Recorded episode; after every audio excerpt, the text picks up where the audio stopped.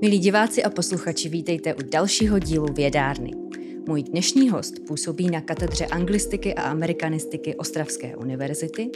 V rámci prestižního Fulbrightova stipendia strávil výzkumný pobyt v Kalifornii a právě kalifornské literatuře se také dlouhodobě věnuje. Jako jeden z mála se také zabývá ekokritikou, kterou si během rozhovoru taky představíme. Vítám v podcastu Petra Kopeckého. Dobrý den a děkuji za pozvání. Začněme u toho, eh, nakolik s nějakou kulturu můžeme poznat eh, podle toho, jaká literatura v ní vzniká. Co se takhle můžeme dozvědět?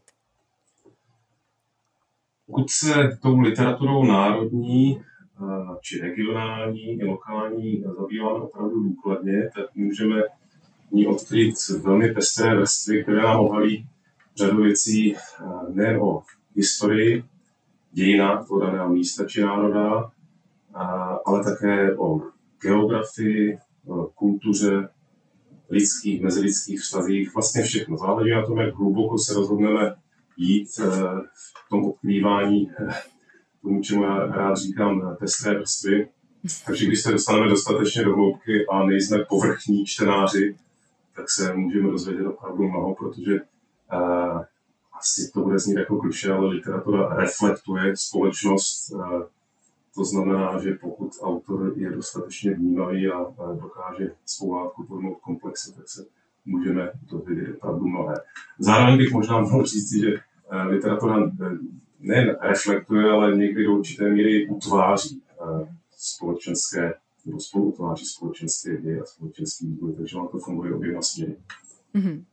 Když jsem zmiňovala tu Kalifornii, tak napadá vás nějaký autor, který je, nebo dílo, které je specifické a charakteristické právě pro Kalifornii?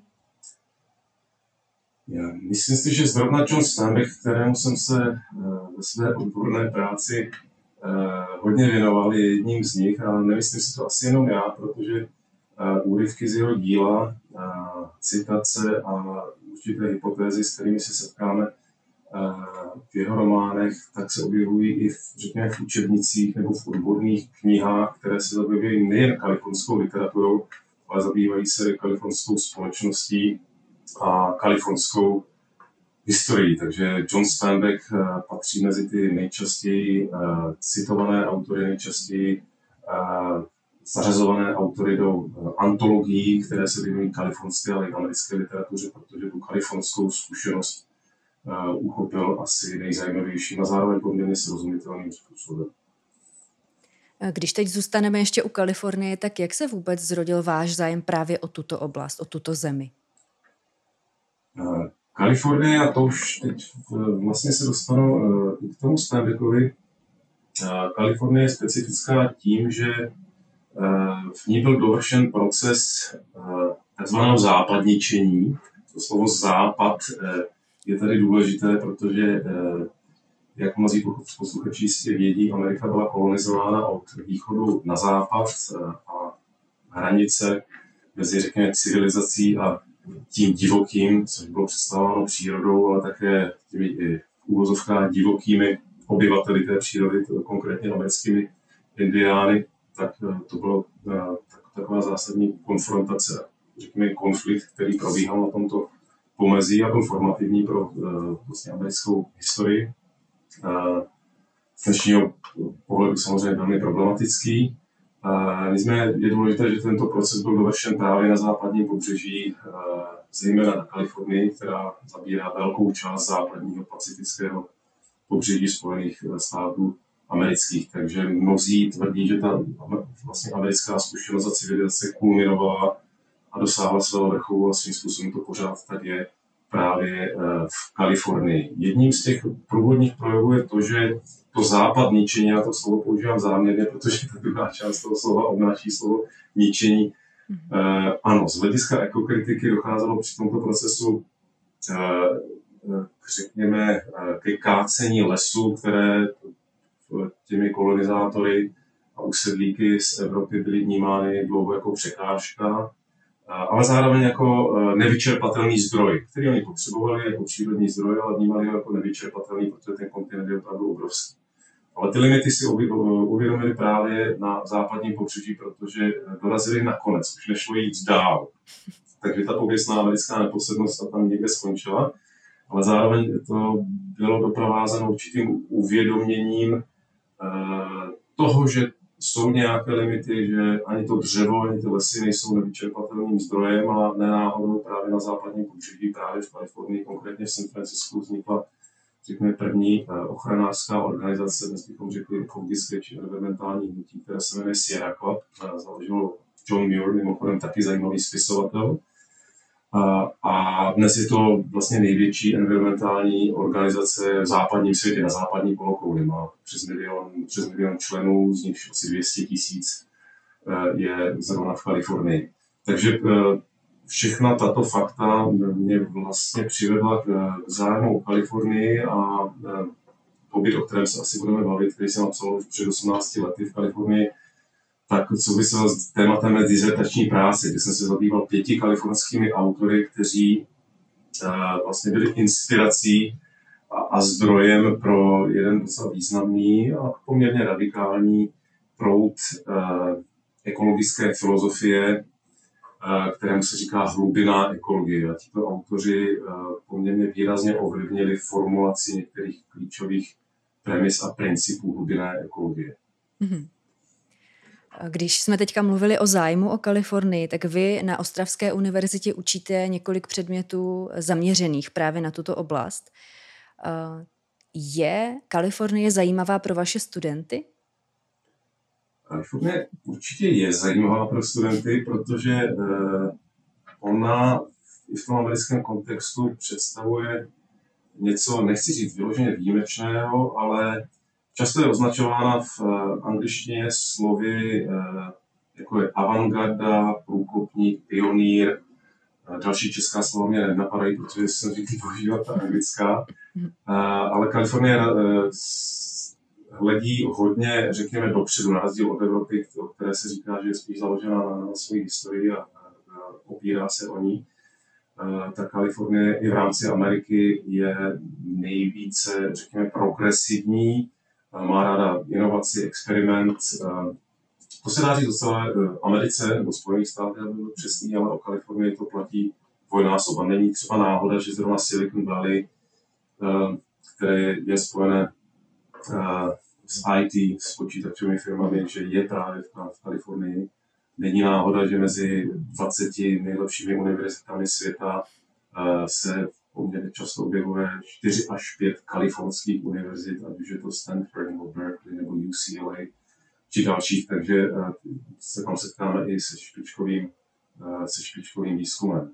Takže ono je to zajímavé hodně pro, řekněme, přírodní věce, je to skvělá, skvělá laboratoř pro přírodní věci, geologie, ekologie, botaniky, zoologii, což souvisí s obrovskou přírodní diverzitou Kalifornie, ale je zajímavá také pro společenské a humanitní věci.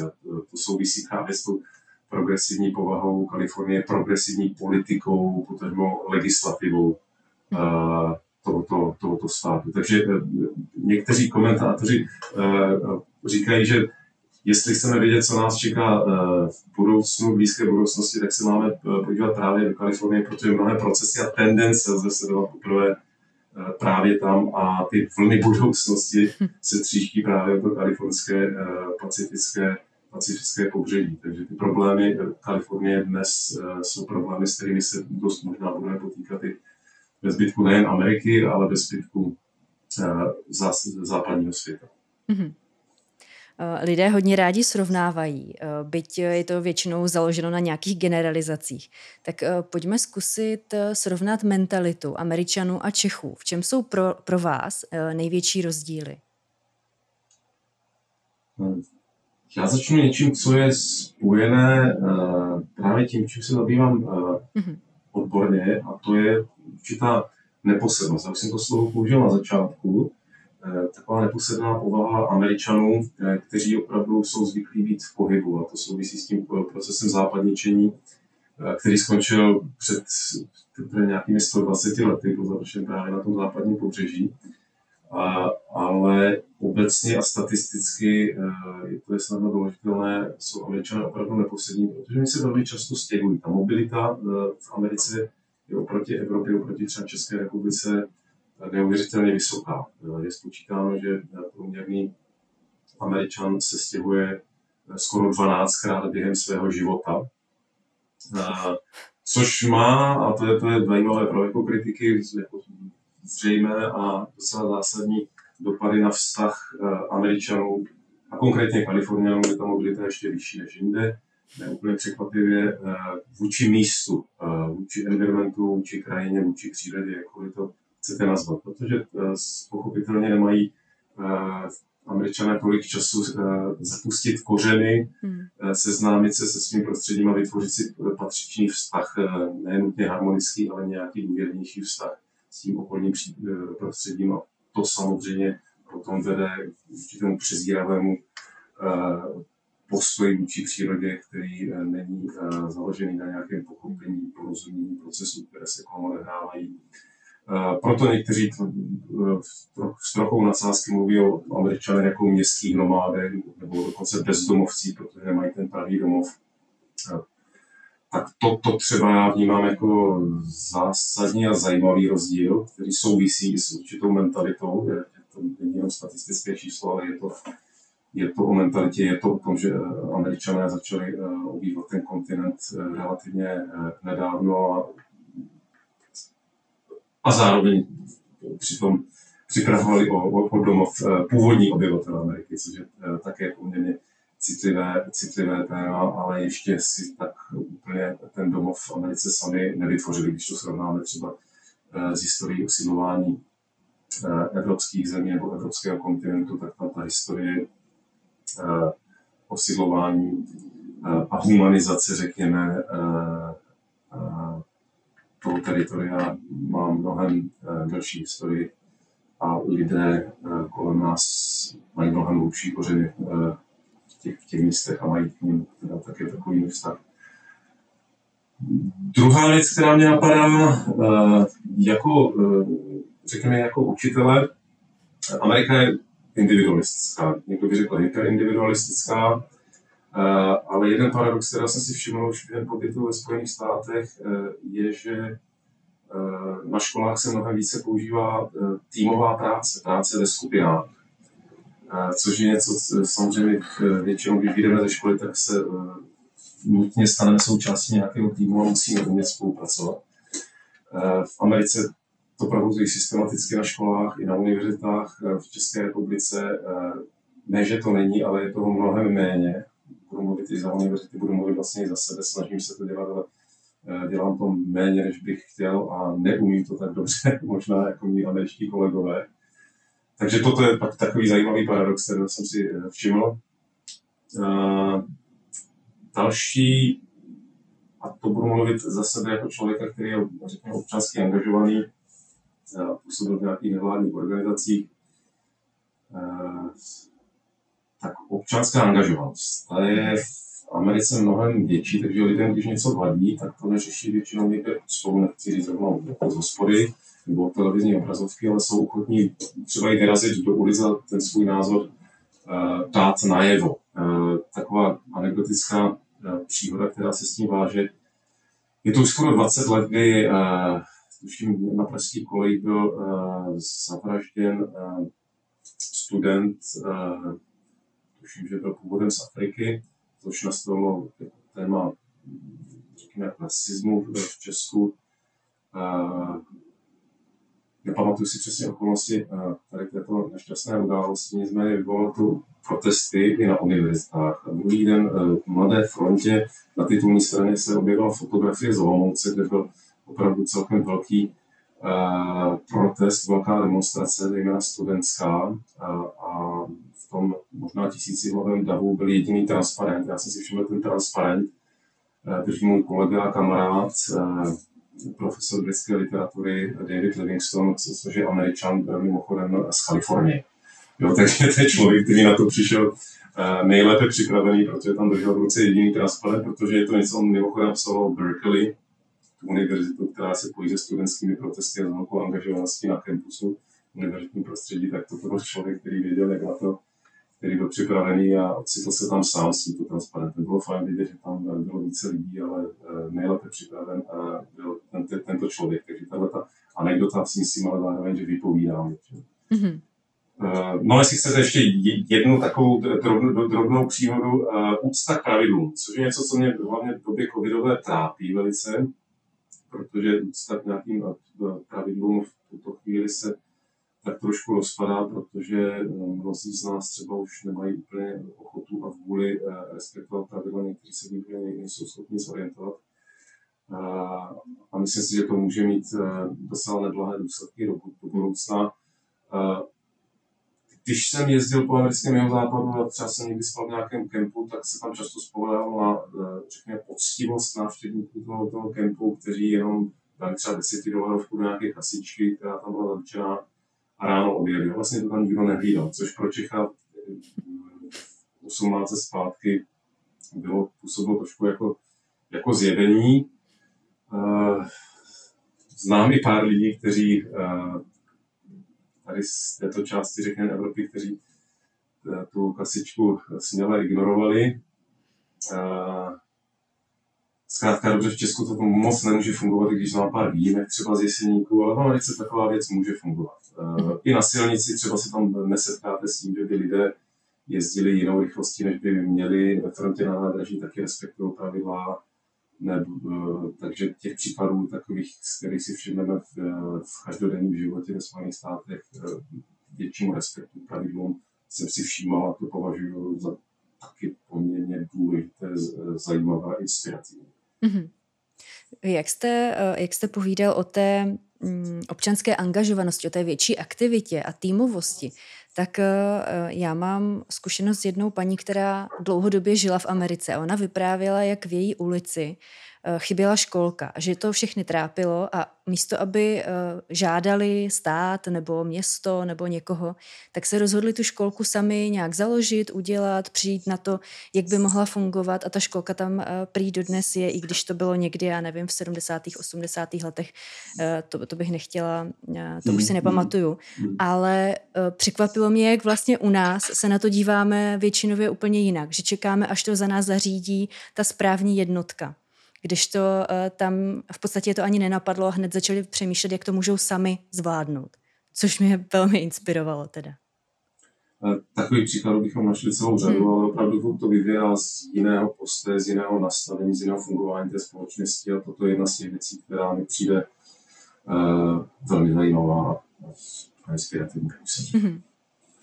Eh, když jsme byli u toho srovnávání a u těch mentalit, tak eh, některým středoevropanům můžou američané připadat eh, třeba v otázce patriotismu a jeho projevů přepjatí, že nadužívají svoji vlajku, v podstatě skoro u každého domu je vidět a uh, někdy se objevují takové e, komentáře, jako že tomu nevěříme, že to je prostě nějaké divadlo, že to dělají jenom na venek. Uh, tak jak to vidíte vy, který jste vlastně s tím měl osobní zkušenost, pobýval jste tam nějakou dobu? Je to hra jenom, nebo to tak opravdu cítí tak intenzivně? Cítí to velmi intenzivně. Americká vlajka je součástí řekněme, americké kultury a mnoha rituálů a náležitě by se s ní mělo zacházet. Já mimochodem jsem sdílel kancelář San Jose na té univerzitě, kde jsem strávil rok eh, s předním, možná nejvýznamnějším vexilologem eh, na světě. Eh, ten pojem vexilologie asi nebude známý vám ani, ani posluchačům. Já jsem ho taky slyšel poprvé, když jsem přijel do Ameriky. To je nauka nebo disciplína, která se věnuje právě studiu vlajek. Takže já jsem s, a, a napsal s, mimochodem skvělou knihu, která se věnuje americké, americké vlajce, ale já tady nepůjdu asi příliš, příliš do hloubky. Ta vlajka se, uh, řekněme to, co jste použila jako přepjaté, tak já bych s vámi souhlasil uh, v určitých momentech, kdy ta vlajka už byla používána více pro uh, vyjádření možná i nacionalismu. Tady asi je poměrně důležité rozlišení mezi slovem nacionalismus, nacionalismus a patriotismus. Obojí, s obojím se můžeme setkat ve Spojených státech, stejně jako třeba v České republice. Je to, jsou to dva termíny, ale zkusím vysvětlit ten rozdíl. Patriotismus je, řekněme, láska nebo eh, velmi pozitivní vztah eh, k vaší, vaší vlasti, na čemž nemusí být vůbec nic špatného. Nicméně nacionalismus už eh, je, a zase použiju složičku víra, když by mě mohlo napadnout nějaké lepší prostě přesvědčení, to asi bude lepší, že váš národ je lepší než ty, než ty ostatní, že jste lepší, že máte navrh. A z toho vyplývá celá řada dalších, řekněme, názorů a, a domněnek, které už můžou být poměrně nebezpečné nebo minimálně problematické.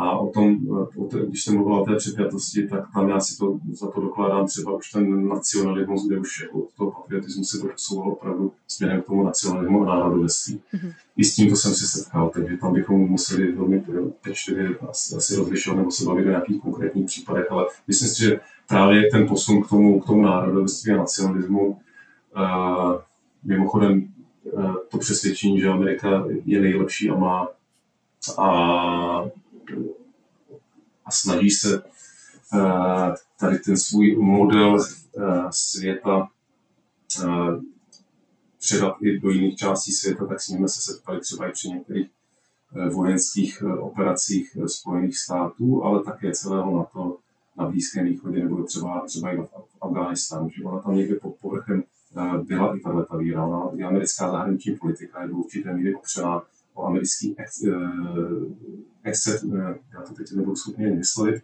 výjimečnost, exceptionalism, eh, anglicky, když to řeknu, exception je výjimka, takže výjimečnost Američanů a tou výjimečností se dá označit určitý, určitá nadřazenost, řekněme. Takže někteří komentátoři to, to takto interpretují a tady už je to problematické. Uh, abych to velmi zkrátil, někdy se mluví o vývozu americké demokracie, když jsme se mluvili o těch operacích což je zkrátka, je to velké zjednodušení, ale uh, něco na tom je.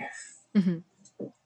Když jsme si povídali o tom, že američané mají trošku oslabený nebo slabší vztah eh, k té zemi jako takové, tak eh, dá se říct, že právě tím, jak je to národ relativně nový, relativně si ho v podstatě když to řeknu hloupě, vydupali, že to je takový vymazlený, vysněný národ, tak mají větší vztah právě spíš k tomu, teď se možná používá špatně to slovo národ, ale spíš jako k tomu státu svému, eh, než, než k té přírodě, ve které vlastně žijí relativně chvíli a z které vytlačili ty indiány, kteří třeba žili ve větším sepětí s tím prostředím, protože to bylo nutné.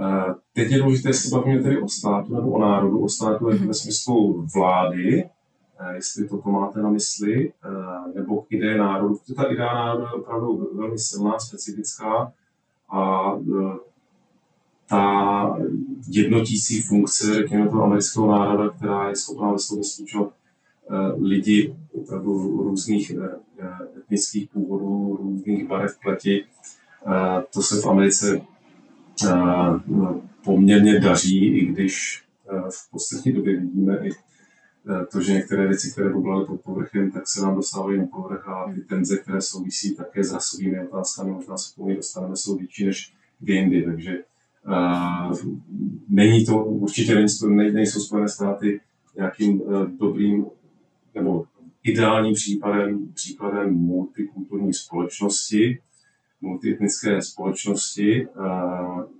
protože ty problémy tam jsou, ale když se podíváme na kousíček nahoru, na tom severoamerickém kontinentu, tak třeba v Kanadě uh, už ten multikulturalismus funguje jinde. To už není pojem, který by označoval jenom tu kanadskou společnost a skutečnost, že tam žije uh, celá řada etnik, ale vyjadřuje také politiku, oficiální politiku vlády, s kterou začal už, tuším, na začátku 80. let Eh, otec současného premiéra Justina Trudeau a ta politika od té doby byla implementována uplatňována eh, způsobem, který neznamená, že ty eh, vztahy, řekněme, rasové a, a, a etnické mezi různými etniky v Kanadě jsou mnohem, mnohem lepší než v jiných zemích, kde se setkáme se soužitím celé řady etnik, ať už jsou to Spojené státy nebo třeba i Velká Británie, případně, případně Německo. Takže pokud chceme vidět nějaký vzor opravdu fungující multikulturní, multietnické společnosti, něco, co se blíží tomu ideálu, tak by to bylo třeba, třeba ta Kanada, ne Spojené státy americké. Ale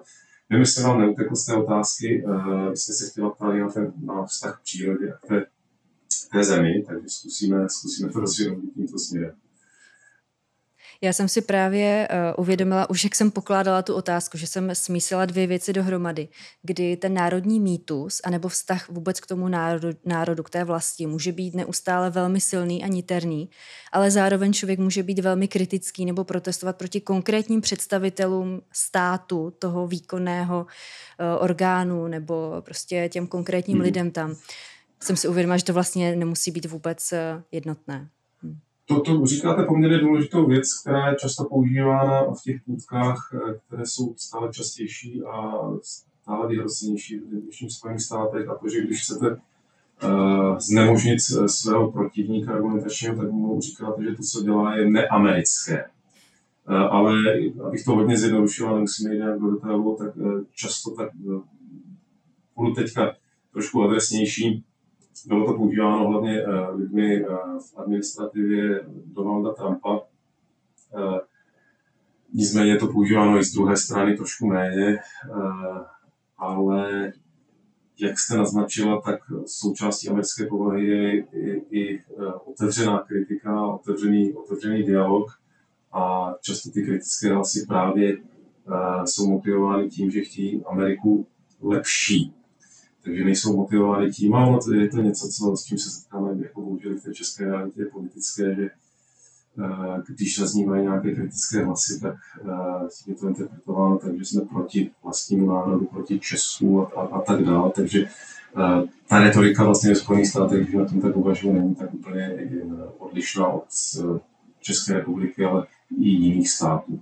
Máte pravdu každopádně v tom, že ta kritická diskuze a kritické myšlení jsou věci, které v Americe um, mají, řekněme, delší a nepřerušenou tradici. Když mluvím o té přerušené tradici, tak samozřejmě koukali hlavně uh, na uh, období nesvobody v Československu, zejména na období socialismu, chce tedy komunismu, které nějaké, nějakou otevřenou politiku a, a otevřený dialog neumožňovali a ani 32 let po revoluci si myslím, že jsme ještě tu tradici, která tady byla z první republiky, poměrně dobře kultivovaná, takže jsme ji zcela neobnovili.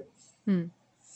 Já se teď vrátím k tomu, co už jsem začala otvírat a pak jsem uskočila zpátky, protože mě napadla jiná otázka k té přírodě a konkrétně vlastně k té ekokritice, abychom ji konečně představili, co to je za přístup a protože v Česku pořád mi nepřijde, že je dost známá.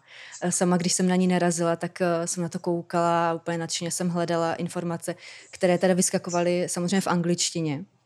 Takže pojďme našim divákům a posluchačům představit, čím se ekokritika zabývá, jaké nástroje používá, co to vlastně je. Mm-hmm. Já doufám, že diváci nebudou, protože já nejsem uh, úplně, úplně ve formě teďka. Uh, zdravotně. Uh, takže pro naše posluchače bych řekl, že jednou asi ze základních premis ekokritiky je, že kultura a příroda se vzájemně ovlivňují, což může působit pro někoho samozřejmě, ale ono tak úplně samozřejmě není. A vzhledem k té komplexitě a dynamičnosti toho vzájemného vztahu, jako kritikové tedy používají eh, nebo se opírají o poznatky jak přírodních, tak i společenských, potažmo humanitních věd. Takže tato kritika je ze své podstaty mezioborová nebo interdisciplinární, jak často používáme. Eh, a ekokritik by proto měl být i ekologicky gramotný. Mm-hmm. Ekokritici se domnívají mimochodem, že ekologická krize je také krizi kulturní či hodnotovou a, a vztah člověka v přírodě se vyvíjel samozřejmě společně s kulturou, takže ten vztah člověka k přírodě není stejný v čase ani, ani v místě. A určuje ho kultura v tom širším uh, smyslu slova. Pokud tohleto východisko přijmeme, těžko můžeme uh, doufat v zásadní zlepšení životního prostředí pouze na pomoci, řekněme, ekonomických, technických nebo technologických uh, nástrojů. Ten, ten problém, uh, nebo ten kořen problému je mnohem, mnohem hlouběji. A abych to ještě rozvinul, použiju asi nejvýznamnějšího ekokritika, který se jmenuje Lawrence Bull, je to američan, Lawrence Bull, a ten má za to, že ekologická krize zahrnuje i krizi představivosti. Samozřejmě víte, že představivost je něco, s čím autoři, literáti pracují. Co, co, co tím chci říct? Ten jazyk abstraktní, uh, nebo ten abstraktní jazyk přírodních věd, uh, nebo tvrdá data, nevždy umí efektivně vyjádřit naléhavost problému. Zatímco umělecká imaginace někdy dokáže mnohem působivěji je jasně ukázat, jak se svět promění v důsledku třeba klimatických změn. A v tomto vyniká třeba žádné ekologické dystopie nebo utopie. Takže to politické vyjádření má podle některých dost velký potenciál formovat nebo i změnit postoj k přírodě, než má, než má věda. A zakončím tady tento svůj vstup tím, že nedávno k mé velké radosti vyšel konečně český překlad eh, jedné knihy, která vyšla v Americe v roce 1962. Je to kniha, která se jmenuje Tiché jaro, autorkou je Rachel Carsonová. A tahle ta kniha, eh, když se prodali miliony svazků, tak eh, způsobila obrovskou vlnu environmentalismu v celých Spojených eh, státech amerických, která v důsledku vedla k založení eh, agentury pro životní prostředí, eh, velmi progresivní ekologické, ekologické legislativy a tak dále. Takže tahle ta jediná kniha měla opravdu velký efekt na to, jak lidé nahlíželi na životní prostředí, který ale prosáhl do těch nejvyšších patet, to znamená do, do zákonodárství a do americké uh, politiky. Mm-hmm. Eh, jak je ekokritika zatím přijímána v českém prostředí? Na jaké reakce třeba narážíte, když eh, je zmíněna? Uh, ty reakce jsou, uh, řekněme, že něco takového vůbec existuje, ale to jsou samozřejmě reakce, které jsou spíše u lidí, kteří se nepohybují v, v oblasti humanitních věd. Nicméně je pravda, že donedávna uh, slovo ekokritika bylo Eh, málo známe či neznáme i u lidí, kteří se literatuře věnují profesně. Eh, tím narážím na statut kritiky eh, v zemích českých, který jsem, o kterém jsem dlouho psal, protože jsem o tom něco napsal za posledních 120 let jako o poli u nás neoraném. A snažil jsem se zasít první semínka, ve kterých začaly nějaké výhonky v podobě diplomových, eh, případně dizertačních prací. Dnes vedu, vedu třeba dvě doktorantky, které zpracovávají kritická témata, ale eh, toto se mění a mění se to, eh, řekněme, v posledních měsících skoro, takže dvě dobré zprávy pro lidi, kteří tomuto této disciplíně literárně, kritické literárně vědné fandí. Takže nejpřesvědčivější důkaz toho, že jako kritika u nás už opravdu zapustila kořeny, tak za to považuji připravená speciální čísla dvou významných eh, časopisů, které se věnují literatuře. Jedním z nich je svět literatury a druhým z nich je eh, česká, česká literatura. Takže eh, v tom světě literatury tam si myslím, že to klapne, protože to speciální číslo má částečně na starost a té české literatury je to ještě, je to ještě na cestě, ale vypadá to, že v roce 2023 by i mohlo být číslo, které se bude, které použije jako kritiku, jako prisma, jako perspektivu, na kterou bude nahlížet na, na významná česká literární díla vlastně mám radost. Mm-hmm. V čem vidíte nejvýraznější přínosy ekokritiky? Já si myslím, že už jsem je pojmenoval vlastně v odpovědi na to, když jsem vám uh, popisoval, čím ekokritika je. To uh, dokáže nám uh, pomoci lépe porozumět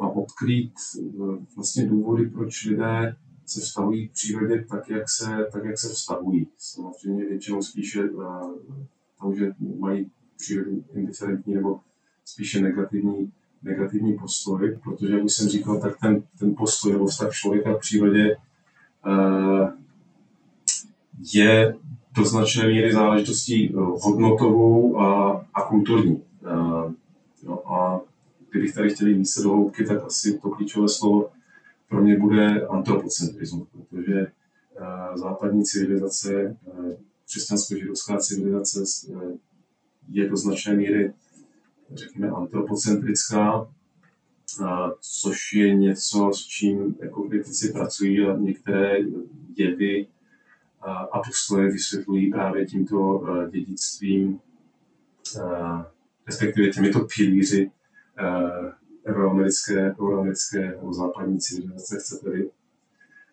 No a z toho vyplývá spousta věcí. Pokud je něco opravdu silně antropocentrické, tak hodnota všeho kolem se odvíjí právě od uh, potřebnosti, a kterou té věci nebo tomu stvoření dává, dává právě člověk. A to má mhm. daleko sáhlé konsekvence Takže souvisí to právě s tou antropocentrickou povahou západní civilizace, která je ekokritiky velmi silně reflektována a pomůže nám pochopit právě, proč některé pohledy a některé postoje jsou velmi, velmi silně zakořeněné v této části světa. Mm-hmm. Nevím, jestli jsem odpověděl dostatečně. No je perfektní, perfektní určitě. Já se teď vrátím uh, k té multioborovosti, interdisciplinaritě. Humanitní a přírodní vědy byly strašně dlouho, aspoň lajky, vnímány jako dvě úplně oddělené oblasti. Konec konců třeba sama ekologie už je interdisciplinární vědou. O ekokritice ani nemluvě, je to interdisciplinární přístup. Co všechno může právě ta mezioborovost přinést do toho, ať už zkoumání nebo vůbec přístupu ke světu, k vědomostem? To je hodně široká složitá já, já začnu uh, asi jednou takovou přírodní metaforou, kterou si uh, v některých textech pomáhám. Uh, to je, že v době, kdy se vědní obory překotně štěpily a rozvětlovali, tak někteří upozorňovali, že je třeba mít na zřeteli také kořeny toho stromu vědění, z něž ten strom e, vyrůstá. Takže narážím na to, že dnes žijeme v době velké specializace a velmi úzké specializace některých e, vědních oboru. Ten John Steinbeck, o kterém jsem mimochodem mluvil úplně na začátku, tak to docela pěkně sformuloval v jedné knize, která bohužel není přeložená do češtiny. Některé překlady, ne celý Steinbeck. Eh, v minulé době asi nejčtenější americký autor byl přeložený do češtiny a ten říká, že samotný proces hromadění vědomostí nevede k vědění. Hmm. A podle něj moderní věda řeší na, na přílišnou specializaci, která vedle toho hromadění vede také k fragmentaci, k atomizaci. A on, stejně jako někteří další autoři, jejich dílo studují, tak cítili velkou potřebu udržet celistvost toho vědění. A, a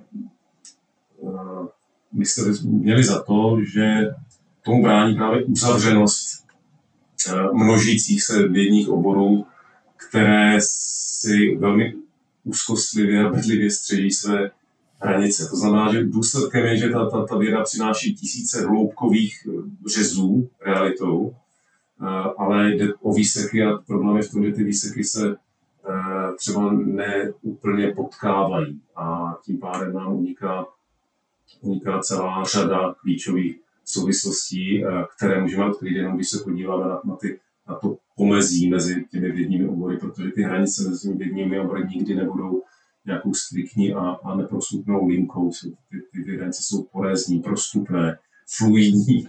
Eh, nevím, jestli to slovo česky můžu bez použít, ale v angličtině se to slovo fluid eh, proto to velmi často, velmi často používá. Takže odpověděl jsem asi trošku ze široka, ale snad jsem odpověděl uh, na vaši otázku. Na širokou otázku široká odpověď, perfektní, sedí to hezky. Uh, Pojďme se teď posunout eh, k recepci odborníků nebo eh, věd eh, studijních oborů. Občas je spochybňován přínos právě těch humanitních specificky nebo uměnovědných ještě o to více ze strany společnosti nebo určité její části. Jak se na tyto kritické hlasy díváte? Mají humanitní a uměnovědné obory a vědy místo? Ustojí si tu svoji půdu? Uh, máte pravdu, že toto je dost zásadní debata, ale já si myslím, že dnes, v dnešní době, já zase budu mluvit o té době covidové, uh, máme ještě větší problém, uh, protože váš podcast je nazvaný Vědána, tak já začnu ještě více široká, ale zároveň možná aktuálními věcmi, které mě trápí, dovolíte vy. Mm, a to, ty se týkají vztahu k vědě jako takové. Protože dneska už je často spochybňována i věda jako celá. Mm-hmm. COVID, COVID tu tendenci uh, urychlil. Uh, my jsme před čtyřmi lety na Filozofické fakultě Ostravské univerzity hostili amerického profesora uh, Toma Nicholse, který mluvil o prohlubující se nedůvěře uh, vůči vědě ve Spojených státech a rostoucí nespokojenosti s etablovanými odborníky nebo vědeckými elitami. A už před těmito, už asi před 6 lety v jedné knize, která šla snad v 15 jazycích, psal o tom, že v Americe se stále více nahlíží na nevědomost jako nacnost a odmítání rad od expertů eh, bylo vnímáno jako prosazování autonomie a nezávislosti na elitách. O tom všem píše mimochodem v knize Smrt odbornosti. Eh, a píše tam také, eh, že, že, že vztah mezi řekněme, experty, odborníky a občany je postaven vzájemné úctě a důvěře. Jakmile dojde k jejich narušení, tak ty dvě skupiny mezi sebou začnou bojovat a, a první obětí to, to, to, to boje je demokracie, která se zvrhne v vládu jako davu nebo nějakou elitářskou uh, technokracii. Tak uh, toto mě napadá jako první věc v reakci na vaši otázku, protože uh, ti, co nepochopili ta slova před těmi čtyřmi lety, třeba když jsme měli to jako se v Ostravě, mimochodem byli v Praze, možná i, i v Brně, tak ti, co to nepochopili tenkrát, tak si myslím, že v době covidové moc dobře vědí, kam autor mířil a a mě z toho docela, docela mrazí. Takže zase jeden příklad toho, že ta Amerika nám ukázala určité tendence, které uh, byl tento uh, vělastný profesor schopný identifikovat a pojmenovat ve své knize, uh, ale ani mě některé z těch věcí, nebo i mě některé z těch věcí zněly ne neuvěřitelně, ale jako možná, to nebylo, jsem si říkal, že to nebude až takový velký problém. Minimálně jsem si říkal, že to je něco, co nás potká za nějakou delší dobu, ale ono už je to tady. Mm-hmm.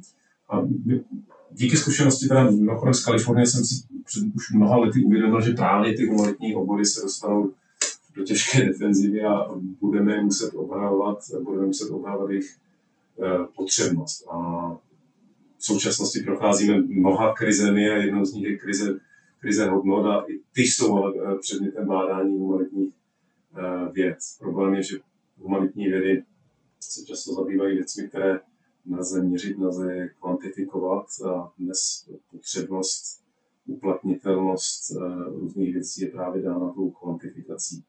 Eh, takže toto je jedním, jedním z těch problémů. Mm-hmm. Možná i dnes je to i velké politické téma, co myslím v České republice.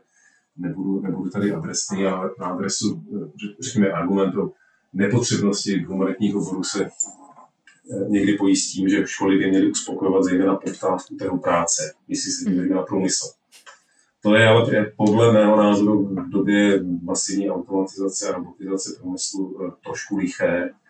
Eh, mnozí zaměstnavatelé s tím máme i vlastní zkušenost z naší univerzity, chtějí spíše flexibilní absolventy, kteří dokáží, se dokáží adaptovat na rychle se měnící svět a vládnout dovednostmi, které jim k tomu dopomáhají.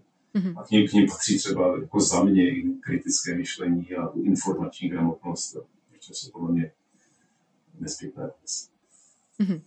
Já ještě uh, navážu v podstatě na tu nedůvěru k datům, k faktům, k odborníkům. Uh, jak si vysvětlujete to, že právě v Americe jsou na vzestupu um, třeba hnutí jako zastánci ploché země nebo spochybňovači um, toho, že uh, se přistálo na měsíci. Přitom je to ten paradox, že to byl právě Američan, kdo poprvé stanul na, uh, na povrchu měsíce. Uh, souvisí to nějak s tou mentalitou nebo s dnešní dobou, nebo odkud to pramení, že jich je tam tolik a jsou na vzestupu? Eh, zase poměrně těžká otázka. Je faktem, eh, který je dost podstatný, eh, je, že američané mají rádi konspirační teorie, mají rádi konspirace. To je první věc, kterou si musíme uvědomit. Ony už ty konspirace začínají poměrně dost fungovat a být rozšířené u nás. Takže v tomto už se v tuto chvíli bohužel tolik neodlišujeme od Spojených států amerických, když teď na vás přemýšlím. Ale v té Americe to má opravdu dlouhou tradici. Uh, druhá věc, která je poměrně důležitá, uh, když mluvíte o té ploché zemi třeba, tak tam je důležité si uvědomit roli náboženství ve Spojených státech amerických, která je mnohem větší, než si mnozí dovedou uh, z perspektivy střední Evropy představit. Ta role náboženství má obrovský vliv na to, o čem mluvíme tady, ale také třeba na, na současnou americkou politiku. Napadá mě napadají mě teď některé příklady třeba uh, v těch nejvíce religiozních uh, nábožensky založených státech Spojených států americkém jihu nebo, nebo středozápadu, uh, tak se vedou i dnes v 21. století spory o tom, jestli by se měla vyučovat teorie evoluce, Darwinova evoluce. Opravdu desítky milionů Američanů věří tomu, že člověk se zrodil v té současné podobě, že, ne, že neprošel nějakým vývoj, že neprošel nějak, nějakou evolucí. A mnozí, eh, zejména konzervativní američtí zákonodárci, se snaží uh, dostat na stejnou úroveň uh, jiné výklady uh, o, o původu člověka, které by byly v kontrapunktu vůči teorii evoluce. Tak toto si myslím, že a, a souvisí to opravdu s náboženstvím, se silnou rolí amerických evangelikálů, a tam opravdu ty racionální argumenty jdou často, často stranou. Takže ta teorie evoluce, což je zase něco, s čím samozřejmě já pracuji, s tím se setkal ve svých výzkumech, tak to je něco, co asi bude šokovat některé, některé české posluchače, toto je předmětem některých soudních sporů v těchto konzervativních státech a není vůbec málo ve Spojených státech. Určitě více než dvě desítky, tak v některých těchto státech prostě probíhají spory o tom, jestli na školách má být vyučována evoluce tak, jak je, nebo jestli má být současně paralelně s tím vyučován, vyučována teorie, která v podstatě říká, že člověk se zrodil v podobě, jak je známe dnes. Souvisí to, někdy se tomu říká inteligentní design, nebo obecně se tomu říká takzvaný kreacionismus, což je to klíčové slovo, které si posluchači, kteří se toho chtějí dočíst více, mohou, mohou snadno vyhledat. Mm-hmm. Eh, pojďme teď otevřít otázku eh, přehodnocování kultury a historie z moderního pohledu. Eh, to je jedna, jedna z moderních vlastně, nebo aktuálních otázek. A právě ta Amerika mi přijde, že pro spoustu středoevropanů je jakoby výkladní skříní těchto, těchto přístupů nových nebo Eh, že z Ameriky se to šíří, nebo v Americe je to nejvíc vidět, hodně to vytahují i média. Takže jak se eh, vydíváte tady na tenhle proces z moderního pohledu, eh, měnit odkaz některých třeba historických osobností, strhávání soch, přejmenovávání budov a tady toho? Začnu možná příkladem z literární historie, protože se zabývám také literární historií a tam bych řekl, že třeba ve Spojených státech v souvislosti s literaturou by se dalo mluvit o proměňujícím se kánu, to znamená tom seznamu těch klasických děl, které se učí na školách. A ten kánon prošel velkými změnami v, v posledních dekádách a, a zahrnuje dnes mnohem více žen a příslušníků etnických menšin, což implikuje, že dříve ty etnické menšiny byly minimálně zastoupené, že to tež platí o ženách. Což eh, já vnímám jako poměrně přirozený proces, eh, ale je pravda, že někdy ta snaha o emancipaci eh, některých do té doby přehlížených skupin vede k extrémům a možná i excesům. No ale konkrétně tady je, je, je, je třeba říct, že ten kánon tvoří po dlouhou dobu bílí mužové, kteří se k ženské tvorbě a k menšinám stavili docela, docela přezíravě. Uh, obecně k té historii, uh, já jsem se k tomu vyjadřoval párkrát pro česká média, když bylo, hodně, bylo hodně aktuální dění kolem Black Lives Matter, když i došlo třeba k poškození Sophie Winstona Churchilla v Praze.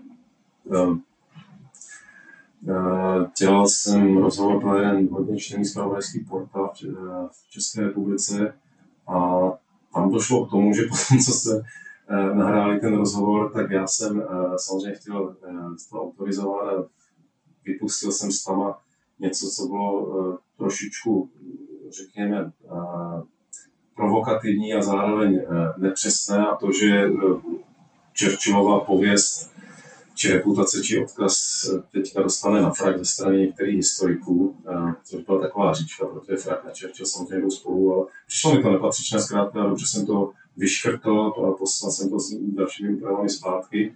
No a co se nestalo, tady to, že Churchill dostane na frak, tak se objevilo přímo v titulku, v názvu toho rozhovoru a na frak jsem dostal potom já, ne, ne že by těch lidí bylo hodně, ale někteří se nad tímto rozčilovali, takže vlastně už je podrážel ten titul. A dobře víme, že někteří lidé čtou jenom ty titulky. Což mi přišlo velmi, velmi nešťastné, protože já si myslím, že jsem se snažil uh, v tom rozhovoru poukázat na komplexnost a složitost toho problému a, a pojmenovat některé uh, niance. Kon, budu konkrétní. Je, je vždycky problematické uh, anachronisticky hodnotit historii. To znamená historii poměřovat dnešními měřítky uh, a dnešními hodnotami. No, takže je zjevné, že třeba ten Churchill byl, uh, měl velké zásluhy, uh, uh, ale také mu nelze, nelze zapomenout na to, že byl přesvědčený o nadřazenosti bílé rasy. Hmm. Ale zase je třeba říct, že to nebylo neobvyklé v té době v Británii. V tomhle to nebylo nějak výjimečný. Mnozí Britové spojovali kolonizaci afrických a azijských národů uh, s představou takzvaného uh, břímě bílého muže, podle básně mimochodem Rudyarda Kiplinga, tedy snahu o pozvednutí v úvozovkách podřadných primitivních ras na vyšší civilizační úroveň. A, a tohleto úsilí brali mimochodem jako jistou oběť a poslání britského, britského impéria. A v podobných intencích a s použitím stejného výrazu se vyjadřovali i Churchill. A ty události z USA, když mluvíme o Black Lives se přijeli přes oceány do Evropy, kde, kde rozproudili bývalých hlavně koloniálních nemocí debatu o dědictví imperialismu. Takže to je třeba vnímat v tomhle kontextu. Ten styčný bod mezi USA a Británií je také otroctví které si u nás spojíme spíše s Amerikou nebo se Spojenými státy. Ale pravdou je, a to je podstatné, že úspěch a bohatství britského impéria se do značné míry opíralo obchod s otroky už v době, kdy Spojené státy vůbec neexistovaly. Eh, a to spojení a to, proč v té Británii to bylo tak, eh, tak významné a proč se dostalo do této debaty Churchill, je to, že s britským impériem je se zpěta obhajovalo i v době, kdy už jiní politici tuto ambici směr eh, nezdíleli. Takže, abych řekl svůj závěr, myslím si, že to demolování soch není úplně šťastné, ale rozhodně diskuze nad odkazem těchto lidí a, a v určitém smyslu přehodnocení, což ne, neznamená, že bychom měli Churchillovi brát zásluhy, které souvisí uh, hlavně teda s jeho působením premiéra během druhé světové války, které jsou obrovské, nezměrné, to v žádném případě nesnižuje nic z toho, ale nemyslím si, že bychom měli pomlčet i o uh, této součásti jeho osobnosti a politické kariéry. Mm-hmm. Já sama za sebe tady k tomuto tématu uh, nechápu, v čem je uh, v čem je ten důvod pro boření těch soch nebo přejmenovávání budov. Protože pro mě připomenutí té osobnosti je právě připomenutí úplně všeho, ve vší hmm. komplexitě, čili i těch chyb, přešlapů, které plynuly třeba z kontextu doby, Eh, rozhodnutí, eh, protože nikdo přece nedělá jenom rozhodnutí, která si zaslouží být eh, v učebnici morálního chování nebo etického chování. Takže pro mě je skvělé, že se otevírají tyhle věci, že se o tom bavíme, že se o tom třeba i pohádáme, ale to ničení soch a přejmenovávání budov mi přijde velmi extrémní a v podstatě kontraproduktivní. Já s vámi eh, souhlasím asi v tomto. Eh, ono to souvisí s tím, eh, co můžeme pozorovat nejen u nás, ale taky dost silně u nás. Třeba Pavel Kosatík, český autor, který se věnuje české historii způsobem, který mě je hodně zajímavý a přitažlivý, tak mluví často o mramorizaci některých osobností, jo? Mm-hmm. což už nás vede k těm sochám. To znamená idealizaci, že si dáme na ten piedestal a mluvíme v nich jen v dobrém, oslavujeme nicméně opomíjíme ty, ty stěné stránky těch, těchto osobností, což je velmi problematické z mnoha důvodů, ale je to zase kořen toho problému, který tady máme. Takže když se dostanu k těm sochám lidí třeba ve Spojených státech, kteří velmi časně obhajovali autorství, tak tam uh, já bych byl třeba otevřený tomu, že ty sochy by nemusely nutně stát na veřejném prostoru. Ono je, ono je důležité, kde ty sochy stojí. Ale myslím si, že řešení je třeba doprovodit tu sochu e, nějakým výkladem, který už pojme osobnost celé komplexnosti, jak jste teď říkali, s těmi zásluhami, ale také chybami. Takže toto jedno z řešení není nutné odstraňovat. Druhá možnost je tu sochu třeba přemístit někde do muzea, které se věnuje historii toho daného místa, uh, rozhodně nejí ničit, protože ta socha mimochodem je také artefaktem. Uh, takže z toho důvodu si myslím, že je to škoda. Takže těch, těch způsobů řešení je celá řada, ale demolování uh, mi nepřijde produktivní, naopak, jak se říkala, často kontraproduktivní, protože mhm. to ještě rozvěřuje ty, ty emoce v té dané debatě a to je špatně. Teď ještě bych ráda otevřela téma politika a věda. Já jsem v úvodním medailonku nezmínila, že vy jste eh, nezávislým zastupitelem v místě, eh, kde žijete, čili jste aktivní i na té politické úrovni, politika vás eh, zajímá. Tak jak vidíte právě, jak máme nastavený vztah mezi odborníky, vědci a politikou? Nakolik se to prorůstá, jak se ovlivňují? No, ano, jsem uh, nezávislý radní, uh, už sedm let uh, na malém městě na Valesku, Rožnově pod Radoštěm, který, který si mnozí asi spojí s Valeským muzeem v přírodě, nebo vlastně v Národním muzeu v přírodě. Uh, Naštěstí tady tyto velké otázky nemusíme příliš řešit, takže nemáme tady lidi, kteří by byli popírači vědy. Tady s tímto se v tom malém nesetkáme. Eh, kdybych chtěl mluvit o české společnosti, tak samozřejmě to musím vstáhnout k covidu, ale to, to bych asi používal argumenty a příběhy, které jsou už eh, mediálně velice, velice dobře eh, známé. takže jenom řeknu velmi obecně, že si myslím, že některé z těch chyb, kterých jsme byli svědky v posledním roce a půl v souvislosti s tím, jak eh, řešit tu covidovou situaci, tak souvisí s tím, že nebyli asi odborníků vyslyšeny, i když musím uznat, že ty antiodborníci nebyli dostatečně eh, jednotní, takže nebylo ani pro politiky těch mocí toto jednoduché, ale v některých momentech si myslím, že ten hlas byl eh, celkem zřetelný a nebyl nějak rozstříštěný a tu největší chybu, kterou jsme udělali, za mě tak byla právě na konci srpna loňského roku, kdy právě ta odborná skupina dala nějaké doporučení, které bylo potom politiky, řekněme, nevyslyšeno a proto jsme se dostali do těch největších problémů, které jsme za ten poslední rok měli. Takže i toto je takový příklad toho, že si myslím, že bychom měli mnohem více naslouchat vědcům. Jiné příklady napadají mě, další příklady třeba působím na Ostravské univerzitě. V Ostravě je velké téma kanál Dunaj Odrábe.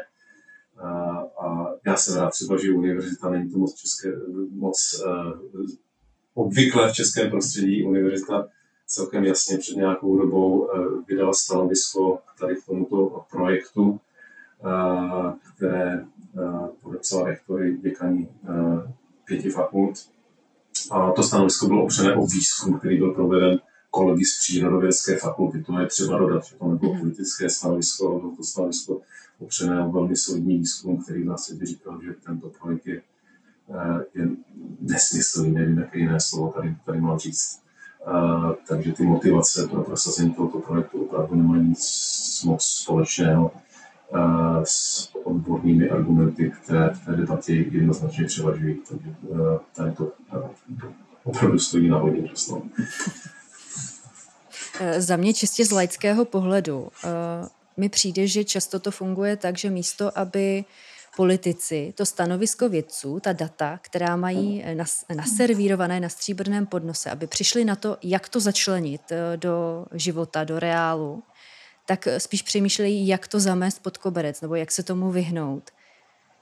Místo toho prostě, aby se snažili to vy, využít, tak se snaží, eh, aby se o tom nikdo vlastně nedozvěděl, protože se jim to třeba zrovna nehodí do toho, čeho chtějí dosáhnout, nebo co mají, eh, co si sami přede, předepsali.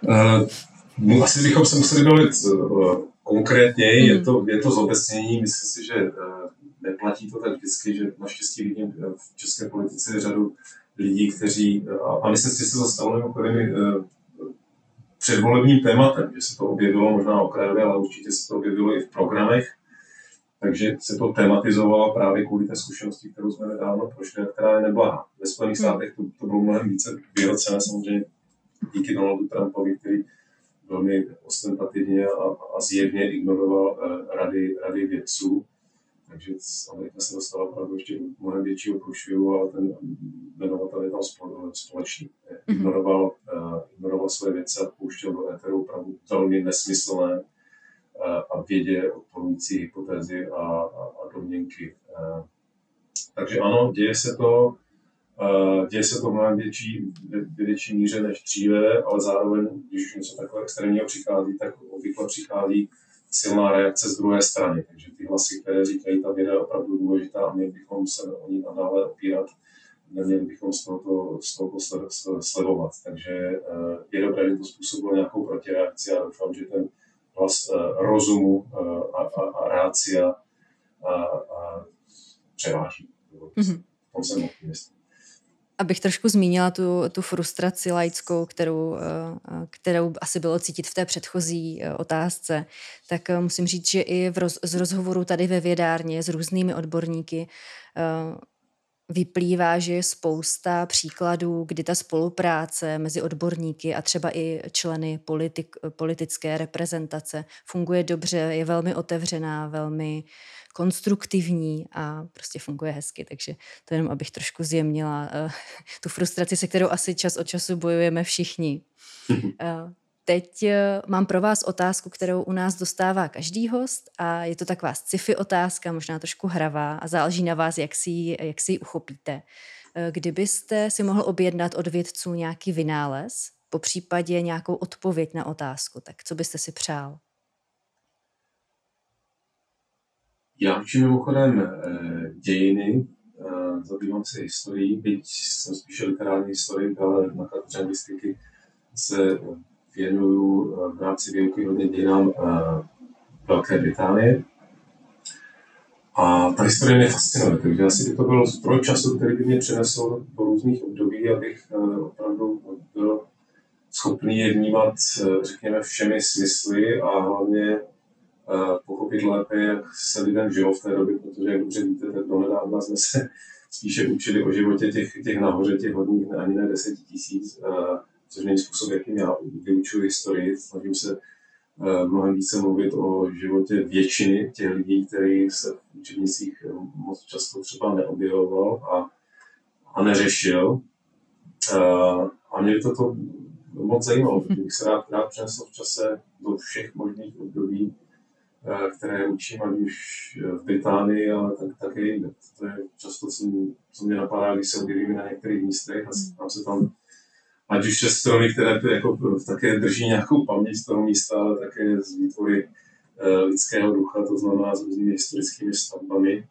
A to mě vždycky připomene, že bych se tam rád podíval třeba 100, 200, 500 let zpátky. Mm-hmm. Tak já vám pro teď moc děkuji za skvělé povídání, eh, které vznikalo, jak už jste naznačil, v obtížných podmínkách a vůbec se za mě na tom eh, nepodepsalo, na ty podmínky. A vy, milí posluchači, kteří s námi chcete zůstat ještě o chvilinku déle, tak zaměřte na náš Patreon, kde bude ještě chvilka povídání v bonusu. Děkujeme za pozornost. Já vám děkuji za pozvání. Na za celý tým Dokumentum Institutu děkuji vám všem, kteří jste doposlouchali nebo dokoukali až sem a strávili s námi svůj čas. Budu moc ráda, když mi prostřednictvím sítí Dokumentum Institutu napíšete, jak se vám vědárna líbila, čeho byste chtěli více, čeho méně, na jakého hosta byste se rádi podívali nebo kterého byste chtěli ve vědárně slyšet. Budeme rádi, když nás podpoříte lajky, komentáři nebo odběrem. Pokud chcete být součástí vzniku vědárny, zaměřte na náš Patreon, kde najdete různé možnosti, jak se můžete zapojit. Jakýkoliv příspěvek nám pomůže vytvářet pro vás lepší obsah, vyspovídat více hostů a celkově posouvat vědárnu dál. Těším se na slyšenou nebo na viděnou u dalšího dílu vědárny a ať se děje cokoliv, buďte zvědaví.